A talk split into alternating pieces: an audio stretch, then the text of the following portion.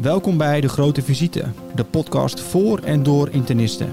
In deze podcast bespreken we actualiteiten, casuïstiek, richtlijnen en overig internistisch relevante materie.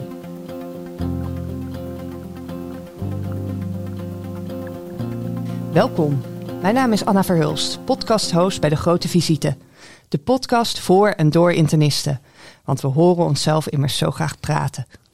Bij mij aan tafel vandaag zit co-host Bas Blok. Hoi. Hoi Bas. En vandaag gaan we praten met internist Douwe Dekker. Hoi. Hey Douwe. Over de werkwijze van het NVIC, het Nationaal Vergiftigingen Informatiecentrum. En Douwe, misschien om even te beginnen. Tegenwoordig ben jij het nieuwe medisch hoofd natuurlijk hè, van, uh, van de spoedeisende hulp van het uh, UMC Utrecht. Dus vooral actief op de managementvloer. Maar daarnaast ben je ook internist met als aandachtsgebieden klinische farmacologie en acute interne geneeskunde. En de toxicologie als een soort hobby erbij, mag Ja. ik dat zo zeggen? Ja, zo kan je het wel zeggen. Ja. En we beginnen deze podcast eigenlijk altijd met dezelfde vraag. En dat is, wat was je gaan doen als je geen internist was geworden? Ja, dat is een ongelooflijk lastige vraag. Ehm, want ik heb een vrij brede belangstelling. Dus als ik binnen de geneeskunde houd, was ik neuroloog geworden, denk ik. En daarbuiten ehm, heb ik op een blauwe maandag geschiedenis gestudeerd. Nog naast geneeskunde, dat bleek niet te combineren. Dus ik denk dat ik dan historicus was geworden. Of architect, dat heeft me ook altijd geboeid. Kijk, Ja. kijk. Nog best wat carrièrepaadjes. Ja, maar je bent uiteindelijk wel internist geworden met als eh, hobby, zoals je zelf zei, de toxicologie. Dan is het natuurlijk voor ons een beetje de vraag van als AJOS, van met welke intoxicatie mogen we jou nou midden in de nacht wakker bellen, zelfs als je geen dienst hebt? Ja, dat, dat is heel breed. Moet je eerlijk zeggen. Ehm, ik ben eigenlijk, eh, soms word ik gebeld hè, voor, eh, voor vragen als ik geen dienst heb. En ik vind het eigenlijk altijd leuk. Maar de intoxicaties die mij het meest boeien zijn de natuurlijke toxines, zou ik maar zeggen. Dus planten, slangen, dat soort dingen vind ik ook leuk als achterwacht van het FVC om afgebeld te worden. En de toxidromen vind ik heel erg leuk. Dus bijvoorbeeld een anticholinerg toxidroom. eh, eh, ja, dat soort dingen kan je me absoluut wakker voor bellen. Met een mystery eh, middel. Ja, Ja. ja. Komen we zo ook denk ik nog even op terug. maar eerst wouden we even ingaan op het NVIC. Want dat is natuurlijk wel leuk. Ik denk dat bijna elke luisteraar die werkzaam is geweest op de spoedeisende hulp of tijdens diensten wel eens heeft gebeld met NVIC. Met help, ik heb een intoxicatie. Eh, kan je eens vertellen, wat is het NVIC nou eigenlijk? Ja, dat kan ik zeker. Ja, de, de grap is dat ik ook wel eens van mensen hoor van eh, als ik je dan vertel wie daar zit, zeggen ze: God, zitten daar geen studenten? En die zitten er absoluut niet. Eh, als je belt, dan krijg je informatiemedewerkers aan de lijn. En dat zijn over het algemeen HBO of universitair geschoolde mensen. En dat is een pool van vaste medewerkers die, die eigenlijk alleen dat doen en informatie geven vanuit de monografieën. En daarnaast hebben we ook wetenschappelijk medewerkers. En dat zijn universitair geschoolde medewerkers die de literatuur bijhouden, die de monografieën eh, updaten. En dat samen doen met een aantal medisch achterwachten, waarvan ik er eh, één ben. Kijk, en het is niet alleen voor vragen over eh, intoxicaties bij mensen, geloof ik, hè? Nee, we hebben, we hebben ook een, eh, een functie voor dieren. Dat is voor huisdieren, eh, maar ook vee. En daarvoor hebben we gelukkig aparte acht- achterwachten van, het, van de Universiteitsdierenkliniek in, in Utrecht. Ik ben wel eens gebeld over een kat, maar ik ben altijd blij als, ja, dat er andere collega's zijn die dat doen. Ze hebben ook internisten daar aan die kant, dus die doen dat. Katteninternisten. Ja, ja het is een apart vak, eh, ook binnen de Ja, een diergeneeskunde. nieuw carrière doel. Ja. Ja, Ja. precies, precies. Hey, en ehm, is het NVIC nou alleen maar voor intoxicaties met medicijnen en drugs en dergelijke? Of ehm doen jullie ook eh, vragen over uh, nou ja, genesis of schoonmaakmiddelen, dat soort eh intoxicaties? Jazeker, en, en de, de taakstelling van het FNC is ook breder. Dus we kunnen ook betrokken zijn bij, eh, bij chemische rampen bijvoorbeeld, bedrijfsongevallen. Al dat soort zaken denken we ook mee. En we hebben ook vanuit de overheid een taak om ja, een soort vinger aan de pols te houden. Dus als bepaalde intoxicaties veel voorkomen, dan alarmeren we eh, bij de Voedsel- en Warenautoriteit eh, dat we bepaalde types eh, intoxicaties veel zien. En soms krijgen we ook echt een taak van de overheid om nou, bijvoorbeeld nieuwe psychoactieve stoffen, om daar dingen van in de gaten te houden en bij te houden. En dat merken mensen in het land soms om- doordat we nabellen en heel gericht dan voor specifieke stoffen nog extra informatie inzamelen. Dus de taakstelling is veel breder dan alleen informatie verschaffen aan artsen. Kan je een voorbeeld noemen van iets wat het NVIC heeft gesignaleerd en wat toen maatschappelijke consequenties heeft gehad? Ja, dat is de, nou bijvoorbeeld de thee waarin steranijs eh zat. Dat is alweer een poosje geleden. Maar de, had de fabrikant die was op een andere steranijsleverancier overgegaan. Niet wetende dat het ook echt een ander type steranijs was. Eh, en daarmee ontstonden er ineens allemaal intoxicaties. En dan worden we gebeld door verschillende partijen uit het land. En die informatiemedewerker die krijgt al die dingen samen. En we kunnen dan als centrum eh, ja, die link leggen en waarschuwen voor een, eh, het vermoeden dat er iets aan de hand is met die eh, specifieke thee. Kijk, Want, eh, ja, tussendoor de steranijs-intoxicatie, een wat minder bekende intoxicatie. Wat, wat, wat, wat zie je aan mensen? Nou, dat, ja, dan moet ik even heel goed denken. Maar dat gaf volgens mij vooral verwardheid eh, toen. Ja. al die en- mensen die dachten even lekker een rustgevend theetje en Ja, ja, dan kom je van een koude kermis thuis. Ja. Ja. Ja. Een ander mooi voorbeeld zijn de, de basendruppeltjes. Hè. Die eh, zijn heel erg in de mode geweest. Druppeltjes om je uh, pH-balans in je, in je bloed, wordt dan uh, erbij verteld, te stabiliseren. En ja, die flesjes waar het in zat, dat leek erg op flesjes voor de lenzen, voor contactlenzen. En dus er waren nog wat mensen die ochtends uh, al tastend uh, op zoek naar flesjes op de plank uh, het verkeerde flesje pakten en dat in hun ogen druppelde. Dus op een gegeven moment krijg je dan veel meldingen van mensen met oogletsel. En ook dat is dan iets om, om aan de bel te trekken. Dat het toch wel erg gevaarlijk veel op elkaar lijkt voor iemand die zijn visuele hulpmiddelen niet op heeft. En zie, zie je ook seizoensgebonden pieken in bepaalde meldingen? Of bijvoorbeeld dat je tijdens de coronapandemie dat bepaalde middelen vaker voorbij kwamen of originele ja, zeker. dingen? Ja, ja, dus in het begin van de coronapandemie zagen we meer bijvoorbeeld handenalcohol, intoxicatie en dat soort dingen. Dus de, heel veel uh, intoxicaties zijn toch ja, ontstaan door toeval of doordat middelen voor handen zijn. Dus dat zie je inderdaad, ja. ja. ja. Hey, en als we nou naar het uh, NVC bellen voor een intoxicatie als, uh, van een spoedeisende hulp. Wat gebeurt er eigenlijk achter de schermen? We, we, spreken eerst een medewerker en wat gebeurt er van de... Ja, je, krijgt een medewerker aan de lijn. Um, die wil allereerst wat algemene gegevens weten, zodat we ook kunnen terugbellen en cases kunnen uh, vervolgen. En daarna voert hij eigenlijk alle gegevens in een systeem, de TIC heet dat bij ons. En daar, um, dat is allereerst voor de registratie van de casus, maar ook voor een risico-inschatting. Dat kan je ook zelf doen. Op vergiftiging.info kan je zelf ook het risico inschatten. Uh, maar dat doet de medewerker bij ons achter de schermen ook. En die kan dan eventueel nog met de monografie erbij uh, aanvullende specifieke adviezen geven. Uh, ja, dat, dat is eigenlijk het, over het algemeen wat er gebeurt.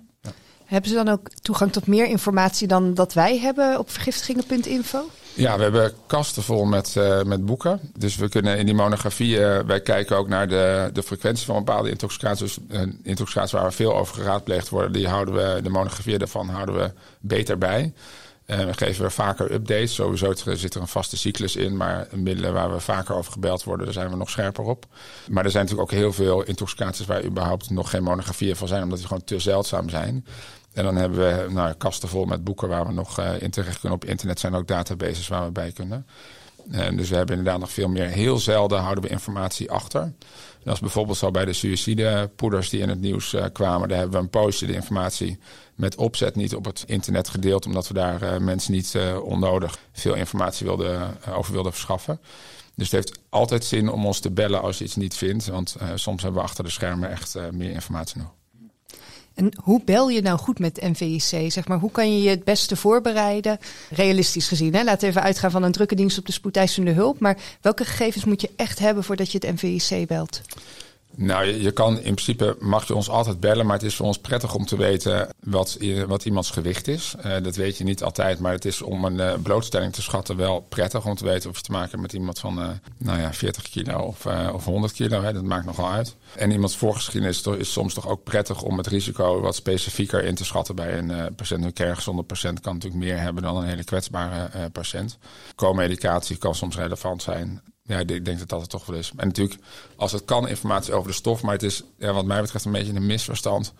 Dat die stof het allerbelangrijkste is. Het gaat uiteindelijk toch vooral om de symptomen die een patiënt heeft. En soms wijst het ook ineens een hele andere richting. En blijkt het helemaal niet te passen bij een stof die een patiënt mogelijk ingenomen zou hebben. Ja, dus dat is ook nog wel meerwaarde natuurlijk van het NVIC. Dat ze kritisch met je meedenken of het inderdaad past bij de stof waarvan de patiënt denkt of zegt dat ze het hebben ingenomen. Ja, we, we hebben zelfs ook een, een, database waar we symptomen in kunnen voeren. En dan kunnen kijken in welke richting mogelijke uh, verklarende stoffen zouden kunnen zitten. Uh, dus we, we, kunnen ook juist met symptomen ook, uh, ook meedenken. Niet altijd, maar we kunnen een poging wagen. En houden jullie dan, als je naar die symptomen kijkt, echt een beetje aan de, de, de klassieke toxidromen, zoals wij ze ook altijd in de kennistoets krijgen? Ja, ja, waarbij natuurlijk wel vaak als je bijvoorbeeld een mengintoxicatie hebt, er heel erg rekening mee moet houden dat dingen door elkaar heen lopen. En dat, je ziet soms ook bij een intoxicatie dat een spiegel moet zich natuurlijk opbouwen. Dus ook bij een bepaalde um, stof kan je ook bij lage spiegels andere symptomen zien dan bij hogere spiegels, omdat dan receptoraffiniteit uh, verandert. Dus het, het, beeld kan heel wisselend zijn, maar daar houden we inderdaad wel rekening mee. Ja. ja. En wat is het moment dat een uh, medewerker die zo'n telefoontje aanneemt ook gaat overleggen met de achterwacht? Moet dat, doen ze dat altijd of in bepaalde gevallen? Nou, zo, sowieso kunnen ze heel laagdrempelig met ons uh, bellen. Maar er zijn een paar vaste afspraken. Dat is bijvoorbeeld bij, bij lijkvinding is dat zo. Dus als er ergens in het land een uh, um, lichaam wordt aangetroffen... En er belt een lijkschouwer met de vraag of uh, ja, middelen die in de omgeving van die patiënt zijn gevonden verklaard kunnen zijn voor het overlijden. Dan worden we als medisch achterwacht altijd gevraagd om mee te denken. Als er chemische, chemische accidenten, calamiteiten zijn in het land, dan worden we daar altijd bij betrokken. En verder eigenlijk vooral als monografieën niet toereikend lijken. maar het kan ook zijn dat een behandelaar aan de andere kant wat meer in zijn nou ja, algemeenheid wil sparren over behandeling. en dat het niet eens zo heel specifiek gaat om welk middel is het en wat is het advies, maar meer in de, in de bredere context van een individuele patiënt. En daar kunnen we ook altijd meedenken.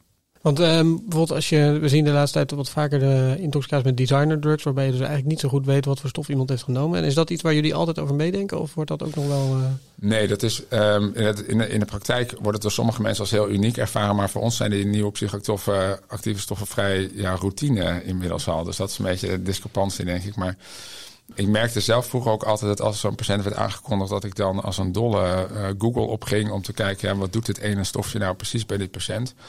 En eigenlijk is dat helemaal niet zo relevant. Want die patiënt komt in het ziekenhuis, dus er is iets anders gegaan dan die patiënt had uh, gehoopt of verwacht, laten we het maar even zeggen.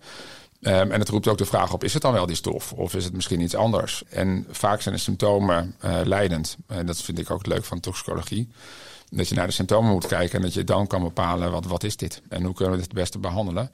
En dat geldt voor nieuwe psychoactieve stoffen eigenlijk niet anders. En heel vaak kom je bij nieuwe psychoactieve stoffen uit op benzodiazepine overigens.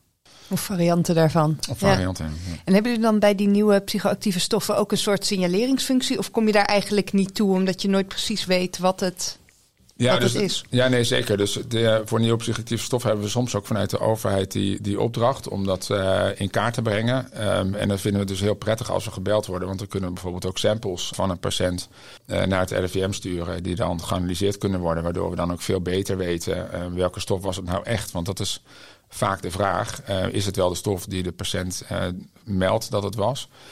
Um, en voor casuïstiek, ook als ze eventueel ooit iets wil publiceren op toxicologisch gebied dan is het echt belangrijk om te weten aan welke stof is die patiënt nou blootgesteld. En dat moet je uit, uh, uit de biomaterialen halen.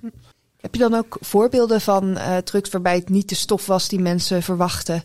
Hoe het in de praktijk ging? Ja, nou, wat, ik denk wel een mooi voorbeeld is, dat was overigens niet via het NVC. Um, ehm, maar dat was een patiënt die we op de eerste hulp zagen, die dat denk ik wel mooi illustreert. En het was vlak voordat de witte heroïne-epidemie in Amsterdam uh, losbrak. Ik denk een week of één, twee daarvoor um, hadden wij op, op onze eerste hulp een patiënt die cocaïne gebruikt zou hebben. En die een dag later, s ochtends, uh, door de echtgenoot uh, ja, blauw met hele lage saturatie op de bank was aangetroffen. En die werd aangekondigd bij ons als een cocaïne-intoxicatie. Um, maar goed, het hele beeld past daar natuurlijk niet bij. Het is een dag, um, iets van tien uur later, nog steeds klachten. Bovendien, uh, ja, lage saturatie, gedaald bewustzijn is nou niet wat je bij cocaïne verwacht. En die had ook pinpointpupillen. Dus mijn collega heeft die met naloxon behandeld en de patiënt reageerde daarop. En ze hebben ons nooit willen vertellen um, waar ze die cocaïne gekocht hebben. Maar het bleek later bij analyse ook heroïne te zijn. En een week later brak de epidemie in Amsterdam uit. Dus wij waren toen niet geïnformeerd over die epidemie dat die eraan zat te komen. Maar gewoon door naar het klinisch beeld te kijken, um, was dat eigenlijk ook helemaal niet nodig. En dat is denk ik wel een mooi voorbeeld ja. Goede illustratie ook dat je gewoon moet blijven kijken naar je patiënt en logisch moet blijven nadenken en niet moet afgaan op ja, nee, dus het is bij uitstek een internistisch vak. Hè? Uh, je moet echt uh, de patiënt nakijken en daaruit uh, ja, redeneren wat is dit. En we zijn graag genoeg in de toxicologie juist precies andersom gewend. Als iemand aangekondigd wordt met een bepaald middel, dan gaan we zoeken wat doet dat middel. En bij de patiënt kijken, klopt dat allemaal? En dat is eigenlijk een hele rare volgorde. Dat doen we ook niet als iemand met een pneumonie wordt aangekondigd. Dan ga je toch echt eerst bij de patiënt kijken, is dit wel een pneumonie? En wat voor symptomen heeft hij eigenlijk? En is niet wat anders. En dat zouden we eigenlijk voor de toxicologie denk ik ook veel meer moeten doen. Ook omdat het veel zinniger is voor de behandeling. Om gewoon naar de patiënt te kijken. Ja. En um, wat zijn nou een beetje de meest, als je door de jaren heen kijkt, uh, een beetje de stabiele, meest voorkomende intoxicaties die jullie bij het NVSC uh, eh, gemeld krijgen? Nou, in de, in de top 10 um, zitten, dat moet je een beetje kinderen en volwassenen van elkaar onderscheiden. Uh, kinderen, dat zijn ja, de keukenkastjes problemen, zou ik maar zeggen. Hè. Dus dat uh, ja, vitamine, preparaten, uh, dat soort dingen. Soms een pil van opa of oma. Ehm, in Amerika hebben ze daar een hele lijst voor de One Pill Kills a Kid list. dus er zijn sommige middelen zijn echt gevaarlijk. Als bijvoorbeeld een calciumantagonist. Het gaat toch om verdelingsvolume uiteindelijk. als een heel klein kind één zo'n tablet krijgt, dan kan het behoorlijk aankomen. Uh, maar de grote bulk voor kinderen zijn, zijn gewoon de vitamines en de nou, relatief onschuldige uh, dingen, zal ik maar zeggen. Voor volwassenen um, zijn het vaak omdat dat meer een psychiatrische context heeft, uh, meestal. Dan zijn het ja, meer de psychiatrische middelen, dus antipsychotica, antidepressiva, benzodiazepine, een beetje in die hoek. Misschien nog wel leuk om van jou te horen, want sommige van die monografieën, ook als je ze zelf raadpleegt, vind ik dan nog best wel verwarrend. Want dan staat je kan een bradykardie krijgen, je kan een tachycardie krijgen, het kan Ja. alle kanten op. Ja. Zou je nog eens willen uitleggen, hoe zit dat ook alweer? Ja, nou dat, dat is een beetje wat ik net, net ook al beschreef, maar dat hangt heel erg van de spiegel af. En ik zelf heb ook altijd gedacht, hè, als ik dan belde als uh, AIOS en dan kreeg je inderdaad dit soort dingen, dan denk je, ja, daar heb ik natuurlijk tien keer niks aan. Uh, maar het is wel correcte informatie. En um, dat komt omdat het heel erg van de spiegel afhangt. De stoffen die hebben affiniteit voor meerdere receptoren en het is vaak ook concentratieafhankelijk. Dus het kan best zijn dat een bepaalde receptor bij een lage concentratie helemaal niet leidt tot uh, activatie of blokkade. Maar als die concentratie veel verder stijgt, dat je dan ineens wel uh, voldoende receptorbinding hebt om, om effecten te bereiken. En dat betekent dat het klinisch beeld heel erg kan veranderen. Tricyclische antidepressiva is daar bijvoorbeeld een mooi voorbeeld van. Hè. Het begint met een anticholinerg beeld, met agitatie, met onrust. En pas daarna komen studerende effecten. En dan zie je ineens dat iemand nou, door natriumblokkade ook uh, verlengde QRS-verbreding krijgt. Um, en dat volgt elkaar allemaal op. Dus ja, bij een TCA kan je het live zien, zou ik maar zeggen. Dus aan de ene kant sterk geagiteerd en een half uur later sterk gesedeerd. En dat heeft allemaal met spiegels te maken. En dan even heel specifiek over die TCA, want um, dat is denk ik een van de intoxicaties waar wij met z'n allen het meest zenuwachtig van worden als we horen dat dat uh, speelt. En een van de behandelingen is altijd natriumbicarbonaat. En ik heb altijd twee theorieën gehoord over waarom dat zou werken. Enerzijds dat je zoveel natrium geeft dat de natriumblokkerende effecten worden opgegeven. En anderzijds dat uh, door je pH-effect je binding verandert. Ja. Is het allebei? Is het een van de twee? Ja, dat, dat is nog niet helemaal beslecht, die discussie. Uh, maar er zijn ook wel aardige studies gedaan bij proefdieren. Waarbij ze, uh, even uit mijn hoofd, dacht ik dat het varkens waren. Uh, dat ze varkens hebben uh, blootgesteld aan hoge concentraties uh, tricyclische antidepressiva. In drie groepen hebben verdeeld. In de ene groep kreeg uh, natriumbicarbonaat, 8,4% dus hypertoon. En een andere groep werd gehyperventileerd naar de pH die ze met die natriumbicarbonaat bereikten. En een derde groep werd behandeld met uh, hypertoon zout. Waarbij je dus met de pH niks doet, maar echt alleen maar die hoeveelheid zout geeft. En ook in die groep zagen ze wel degelijk een effect. Dus het, dat hypertone aspect van dat zout doet echt iets. Of je daarnaast ook nog verdelingseffect hebt, zou kunnen. Want ook in die pH-groep waar die pH-stijging was, werd wel iets gezien. Maar de werkelijkheid is veel complexer dan wat uh, vaak gezegd wordt van ja, het is minder of meer binding en dat is het. Uh, dat, dat doet geen recht aan de complexiteit. Nee, dat klopt. En inhakend op die complexiteit, stel voor, er zitten AIOS of internisten te luisteren, denken, ja, die toxicologie, ik heb het altijd super vet gevonden, maar ik krijg het net niet helemaal in de vingers of ik zou daar meer over willen leren. Wat kan je doen anders dan de spoedeisende hulp afstruinen op zoek naar uh, interessante intoxicanten? Ja, ik, moet eerlijk zeggen dat ik het zelf vooral uiteindelijk toch uit zelfstudie heb gedaan. Door enthousiasme op basis van casus dingen ben gaan opzoeken. Nu natuurlijk doordat ik die monografieën onderhoud, kom ik ook op die manier er meer mee in aanraking. Dit is een hele leuke cursus, toxicologie cursus. Um, en die geven we samen met spoedeisende hulpartsen en apothekers. Um, en dat kan je twee keer per jaar doen. Um, en dat is een multidisciplinaire cursus. Dus dan is het deels praatjes over veel voorkomende intoxicaties, maar ook ABCDE-training. Waarbij artsen en apothekers samen uh, nou, elkaars kennis uh, benutten. Oh. Ik denk dat dat leuk is om, uh, als je echt geïnteresseerd bent om dat te doen. Ja, klinkt leuk. We zetten de link naar de cursus zetten we in de podcastbeschrijving. Ja, en als je dan als AIOS of internist echt nou ja, je enthousiasme voor de toxicologie hebt ontwikkeld, hoe kom je dan uiteindelijk bij het NVIC te werken? Ja, dat, dat is natuurlijk lastig. Het is een hele kleine club mensen die daar natuurlijk werkt. Maar het zijn ja, grotendeels mensen die, die al in het UMC werken, die daar een andere functie hebben. Dus zijn bijvoorbeeld internisten, maar ook intensivisten uit het UMC. En daarnaast hebben we nu ook een spoedeisende hulparts uit het OVG, Femke Gesnicht, die, die in ons team zit. Dus je kan ook van buiten het, uh, het UMC toch wel degelijk uh, daar werken. Um, maar het gaat dan ja, vaak doordat je al met elkaar in een, nou, in een bepaalde toxicologie werkgroep zit. Dus het begint met je enthousiasme en met je groeiende expertise. En dan wie weet komen we een keer tegen met de NVC. Klinkt als een leuk clubje. Absoluut, ja.